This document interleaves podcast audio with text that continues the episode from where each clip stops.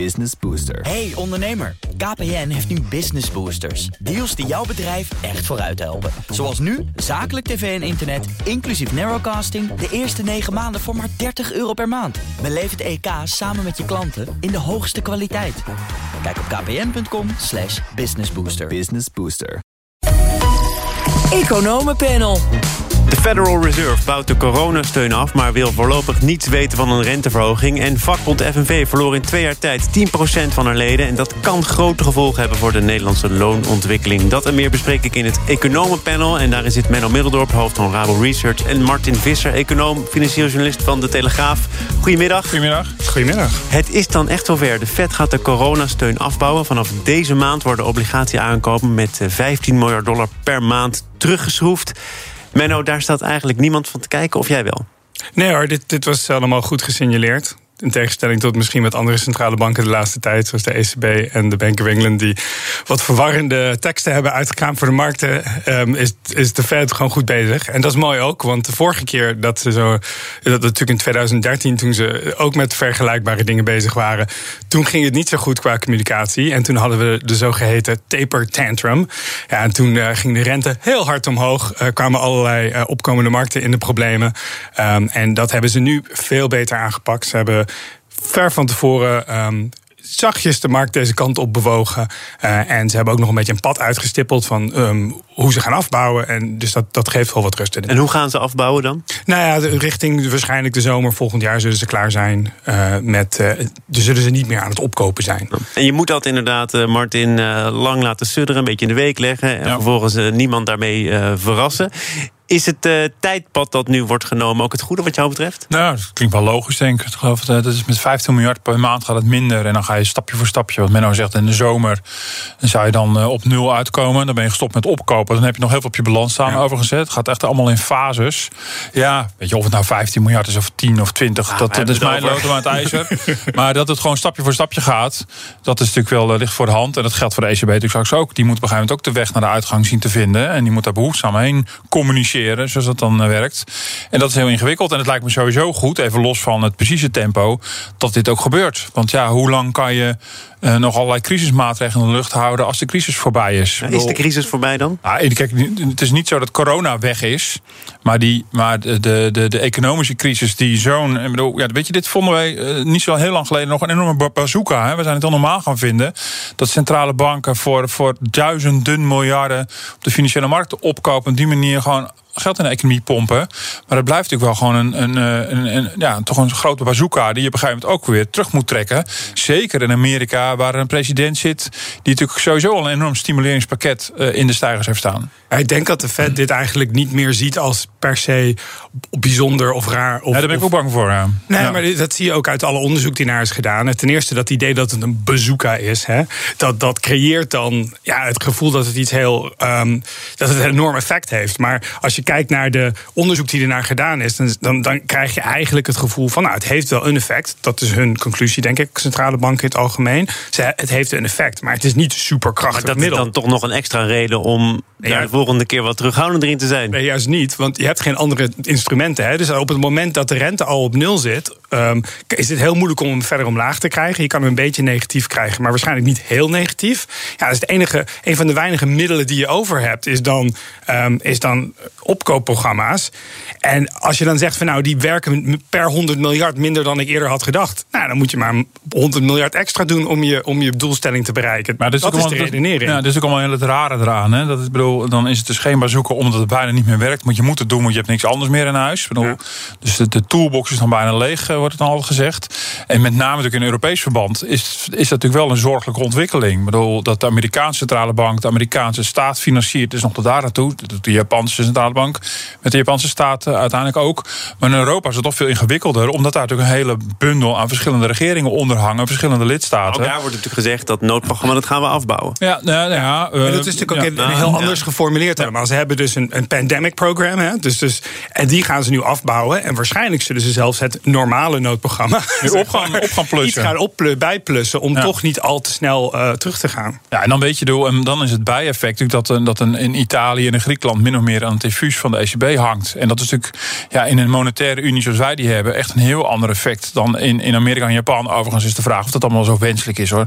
Of centrale banken ook in normale tijden zo grootschalig bezig blijven om hun, eh, om hun overheden te financieren. Maar goed, je kan het ongestraft doen. Nou, wat je eerder zei is denk ik een heel belangrijk element. In. Het ligt eraan wat aan de begrotingskant wordt gedaan. En als nu um, wat in Amerika gebeurt, ook in Europa meer gebeurt, dat de, de, de overheden hun middelen gebruiken om de economie te stimuleren wanneer hm. dat nodig is, dan hoeft de centrale bank minder te doen. Maar welke overheden kunnen dat doen? Dat geldt natuurlijk voor Nederland en voor Duitsland, maar dat gaat wat minder voor die zuidelijke lidstaten. Ja, of ja, daar heb je dus die Europese context die we nu hebben. Dat is een van de voordelen van een gezamenlijke programma, is dat je dan wel in tijden um, een, een, stimuleringsbeleid kan voeren of een investeringsbeleid kan voeren vanuit Europa als geheel. En dat, dat neemt de druk wel iets af voor, uh, voor de ja. ECB. Nou goed, dan daarmee zeggen dus impliciet al wat de ECB heeft heeft inmiddels, en, en ook de FED, maar de ECB is er toch wat, ligt het controversiëler, eigenlijk impliciet als taakstelling heeft geformuleerd van we moeten als de overheid niet doen, moeten wij de economie gaan stimuleren. Maar daar is de ECB natuurlijk helemaal niet voor. En je kunt je ook nog afvragen in welke mate overheden eigenlijk de economie zouden moeten stimuleren. Misschien dat Biden in Amerika echt wel een paar slagen te ver gaat. Nou, eh, zijn programma is ook al behoorlijk uh, toegetakeld. Ja, is, is uh, zeker, maar er blijft nog behoorlijk wat over. Maar ook het hele idee dat ook in Europa we blijkbaar voor honderden miljard in de economie moeten pompen. Terwijl de economie voor een heel belangrijk deel ook uit zichzelf opveert. Dus de, de crisis wordt ook wel een beetje misbruikt om, om, uh, uh, om allerlei politieke wenselijke investeringsprogramma's op te tuigen. Nou, oké, dat, dat is aan de begrotingskant. Maar als we kijken puur naar het mandaat van centrale banken, die moeten ten eerste een inflatiedoelstelling halen. Nou ja, dat haalt de ECB al een tijdje niet meer. Dus daarom zijn ze steeds aan het stimuleren. En ze hebben wel een secundaire doelstelling om de e-, economische groei te ondersteunen waar mogelijk. Als het niet, maar niet in het gevaar komt, een eerste doelstelling. Ja, maar dat is nu helemaal niet het geval. Dus, Maar wat is die tweede doelstelling? Daar waar mogelijk de economie proberen niet in gevaar te laten komen? Nee, daar waar mogelijk de economie een handje helpen. Dat, dat is eigenlijk dat, dat is het mandaat van de ECB. Okay, dat, dat, is een secundaire doelstelling. oppakken natuurlijk. Ja, dat is een hele brede uh, doelstelling. Maar het belangrijkste is dat ze die inflatiedoelstellingen steeds niet hebben gehaald. Nou, nee, tot en nu. Zet, zet een instrument in, al jarenlang, wat niet heeft, heeft bijgedragen aan de inflatie. Dat is ook heel wonderlijk. En dan nu, nu begint dat dan eindelijk te werken. Dat blijft ook heel wonderlijk. Dat je dus inderdaad die bazooka of het klappertje pistool, hoe je bekijkt, inzet voor een doel wat je volgens er niet mee bereikt. Nou ja, het, nogmaals, hun conclusie naar al het onderzoek is dat het wel een effect heeft, de juiste richting op. Alleen je, moet het echt enorm inzetten, wil je, wil je het effect. Nou, dat hebben ze gedaan. Ja, nou ja, dat, daar kan je over discussiëren. Tegen want, alle limieten aan, een, een derde van de Europese staatsschuld. Veel, nou, ik denk als je, als je zeg maar met de, huidige met de huidige kennis over hoeveel impact het heeft terug zou rekenen naar je doelstelling, dan zou je misschien meer hebben gedaan. En de, de grenzen aan het, aan het opkoopbeleid zijn dus niet, denk ik, de, de, de inschatting van hoe goed het werkt of niet. Het is de politieke grenzen, de, de ongemak die we daarbij voelen. En dat heeft denk ik niet te maken per se met het effect op inflatie. Hoewel sommigen daar ook wel zorg hebben dat het straks tot heel hoge inflatie leidt. Uh, maar ook met het, uh, ja, dat het misschien voor financiële stabiliteit uh, nadelen heeft. Dus de, er zit een soort ongemaksgevoel bij. Maar het is natuurlijk niet voor niks. Dat je, we zijn natuurlijk zelf al dat ECB gewoon straks dat pandemieprogramma gaat afbouwen. En dan het gewone programma weer gaat oplussen. Want we kunnen er niet meer vanaf. Door de, de financiële markten en de, en de Europese overheden zijn natuurlijk verslaafd geraakt aan dat geld van de ECB. Ja, maar dit is waar, dit is waar de discussie natuurlijk nu over inflatie heel interessant wordt. Want we zien natuurlijk inflatiedruk opkomen in de economie. En de vraag is nu: is dat iets tijdelijk of blijft dat wat langer? En als blijkt dat het wat langer blijft, ja, dan, dan kunnen ze inderdaad. Nou, we hebben het in dit panel al zo vaak besproken dat ik begin te denken dat het niet alleen maar tijdelijk is. Als we het al zo lang tijdelijk noemen, dan krijgt het iets permanents. Nou ja, en, en dat, kijk, wat permanent of tijdelijk is vanuit een ECB's perspectief is natuurlijk al heel wat anders. Het, duurt anderhalf jaar ongeveer voordat monetair beleid een impact heeft op de economie. Dus het moet eigenlijk dus het, zo het geval zijn dat de inflatie over een paar jaar nog aan het, aan het doorwerken is, zeg maar. En dat we dan nog ruim boven de doelstelling zitten. Als dat het geval zou zijn, ja, als we dat denken, dan zou het logisch zijn om een beetje naar te gaan nadenken. Dus, dus tijdelijk is ook zeg maar tot 2025 inmiddels, ja. begrijp ik. Nee, nee, maar dat is altijd zo geweest. Hè? Want de, de, de, de, de raak, zoals ik zei, het duurt gewoon 1 à 2 jaar voordat je grip hebt op de economie met je monetair beleid. Dus dat betekent dus alles wat binnen dat termijn um, de inflatie opdrijft of naar beneden duwt, ja, dat is, dat is eigenlijk tijdelijk tussen Maar hoe lang denk jij dat in Nederland bijvoorbeeld, nu de inflatie was 3,4 procent, hoe lang denk je nog dat die op blijft lopen in Nederland? Ja, wij denken ook dat het, dat het over een paar jaar een stuk minder is. En dat Een paar jaar. Ja, nou, dus tijdelijk vanuit het Ja. ECB-perspectief. Ja, ja. Ik denk dat we inderdaad de, ko- de komende jaar met hoge inflatie zullen. eh, en dat er nog wat meer in de pijplijn Dat is ongelooflijk slecht nieuws voor, eh, voor alle consumenten, huishoudens. En, eh, Absoluut. Voor de koopkracht is het. En daar zit ook een hele belangrijke vraag. Hè. Dus kijk, als, als dit nu gewoon zonder weerslag op de lonen. ehm, deze inflatie over ons heen komt. Ja, dan is het vooral een koopkrachtsituatie. En dan heeft het ook heeft het zijn eigen begrenzing, zeg maar. Want Ja. als, de, als de vraagkant van de economie in feite wordt afgeremd door die koopkracht. eh, ehm, ehm, uitholling van de koopkracht. Ja. dan, dat betekent dus dat de ECB inderdaad helemaal maar niet gelukkig rente is de moet gaan een warm pleitbezorger voor flinke loonsverhogingen. eh, dankzij jullie baanbrekende eh, analyse van een aantal jaar geleden. Dus eh, ja, dan gaan we de loonprijsspiraal in. En dan je natuurlijk verder van huis. Ja, dat is natuurlijk de andere. Nou, dat. Ik denk, je moet een balans hebben natuurlijk. Het zou mooi zijn als de, als de inflatie precies op die 2% uitkwam. En Ja. dat daar rekening werd gehouden eh, in de verwachtingen van consumenten en van mensen die een hogere loon vragen.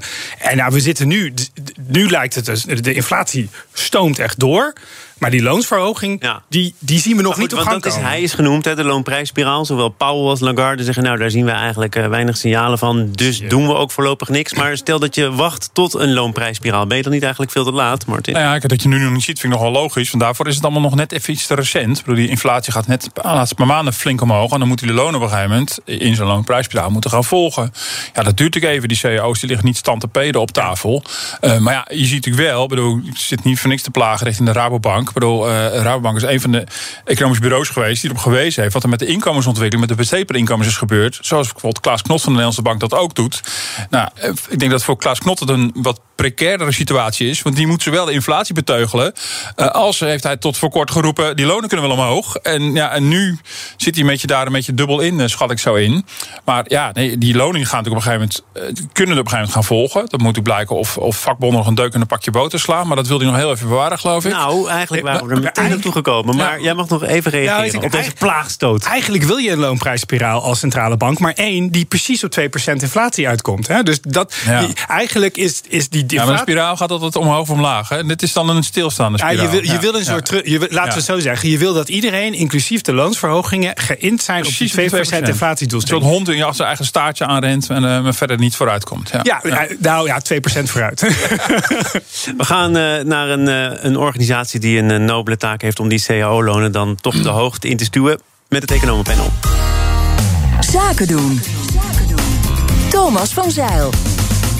En in dat economenpanel zitten Menno Middeldorp, hoofd van Rabo Research... en Martin Visser, econoom en financieel journalist bij de Telegraaf... met een scherpe opvatting over vakbonden. Je schreef daar columns over, ook naar aanleiding van het bericht... dat de leegloop bij vakbonden nog niet eh, gestopt is. FNV en CNV verloren veel leden, met name FNV...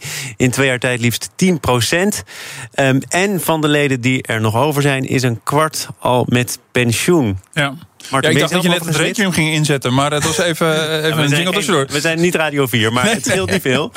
Ben je zelf lid van een vakbond? Ik ben zelf lid van een vakbond. Ja, en ik weet niet precies of ik nou meteen in 96... ik ben dan gewoon natuurlijk geen werk. Dat zou betekenen dat ik misschien al bijna een gouden speldje ga krijgen. Als de NVJ dat nog kan betalen. Ik ben echt van begin af aan lid van de vakbond. Dus ik Waarom ben, eigenlijk? Nou ja, ik vind, het- vind het goed dat er een partij is die, die, eh, die de werknemers vertegenwoordigt. Dat je gewoon een balans hebt tussen werkgevers en werknemers. Ik ben niet altijd fan van het poldermodel. Maar zeker op het niveau van bedrijven, sectoren... lijkt me het gewoon goed dat werknemers vertegenwoordigd worden. De werknemers vertegenwoordigen. Dat is nogal wat als er al jarenlang Exact. sprake is van Nou, een daar, daar zit natuurlijk exact het probleem. Ik bedoel, dat, eh, bedoel, niet alleen loopt het aantal leden heel hard terug... en met name de afgelopen twee jaar bij de FNV... maar ook eh, komt de representativiteit in het geding... omdat de verhouding natuurlijk helemaal scheef is geraakt. Inderdaad, de enige groep die nog in, in, in aantal en in aandeel groeit... is 65-plussers. En ik gun elke 65-plussers een FNV-lidmaatschap... En een goed pensioen. Eh, en, en een prima pensioen, allemaal tot je dienst. Maar dan wordt het steeds moeilijker om te zeggen... wij vertegenwoordigen werkend Nederland. Maar doet dat er nou eigenlijk toe? Want eh, hoeveel eh, mensen er ook eh, door die vakbond vertegenwoordigd worden... zij zijn op dit moment de gesprekspartner Ja. waar je het maar mee te doen hebt. Ja, nou ja, en ja, dus, dus op twee manieren doet het ertoe. Of er verandert niks en werkgevers en kabinet denken... het blijft gewoon heel handig om met vakbonden te overleggen. En dan heb je een probleem, want dan, dan is de insteek van de vakbond... niet per definitie uh, het, het algemene belang van werknemend Nederland. Uh, of het doet ertoe in de zin dat de vakbonden in de toekomst... steeds vaker buitenspel kunnen worden gezet. En op CEO-niveau zie je dat al gebeuren... dat werkgevers veel gemakkelijker uh, de laatste jaren gaan shoppen. En dan de nou, dan zetten ze FNV buitenspel en dan gaan ze met nog kleinere ah, vakbonden ja, in zee.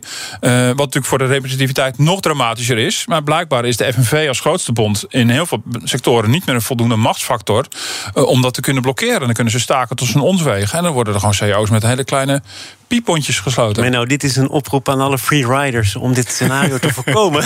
Nou ja, ik, ben het, ik, moet, ik moet toegeven dat um, ik, zoals de meeste mensen van, van mijn leeftijdscategorie, ik ben nu, uh, ik ben nu 46. Nu, nou, leeftijdsdiscriminatie gaan we ook al komen nu. Nou ja, ik. ik, ik, ik Martin, oude rot. Ja, ik ben vier jaar ouder, dus uh, misschien is het een generatiedingetje, maar ik kan me dat niet voorstellen. Nee, maar, maar ik, ik wil, wat ik wilde zeggen is, ik ben ook niet super jong of zo. En mijn hele, mijn, zeg maar, ik denk ik, mijn hele leven, mijn hele werkzame leven, was het nooit in mij of meeste mensen om mij heen opgekomen om lid te worden. dat is terwijl... exact de meest gehoorde reden. Dat is echt dramatisch. En ik zag en dat zocht inderdaad ook een onderzoek terug bij uh, Mejudici, de economische site.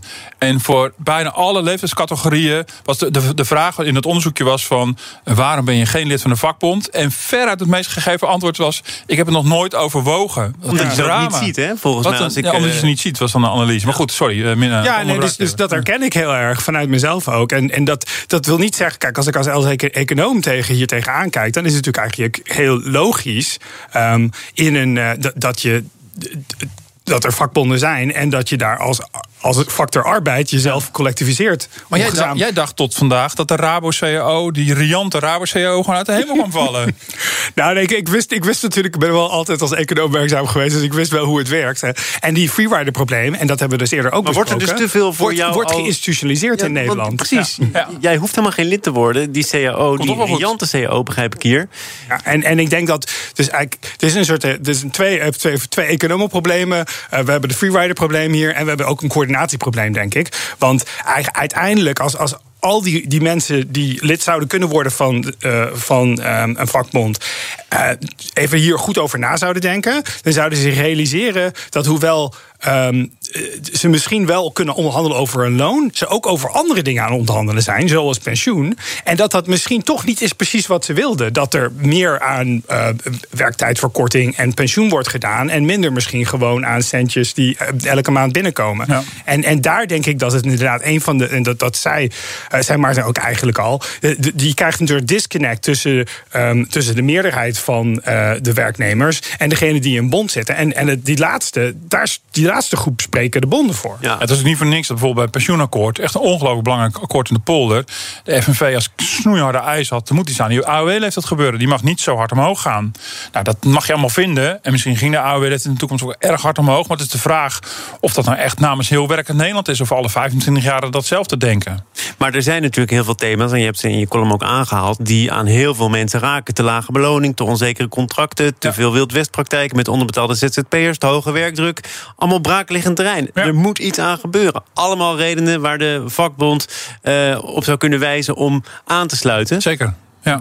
Dan toch nog een keer de vraag: waarom gebeurt dat niet? Nou ja, ik denk dat ze heel veel van de thema's wel in de gaten hebben. Het is de vraag of ze altijd helemaal de juiste keuzes maken. Maar ze spreken gewoon totaal niet aan. Bedoel, en, en ik denk dat hier ontstaat natuurlijk ook een soort, soort ook een spiraal. Een, bedoel, namelijk naarmate je ledenbestand vergrijster raakt, vergrijster dan de beroepsbevolking is, heb je steeds meer belang erbij om, om de belangen van dat vergrijste bestand te vertegenwoordigen. En spreek je nog minder aan uh, bij die jongeren.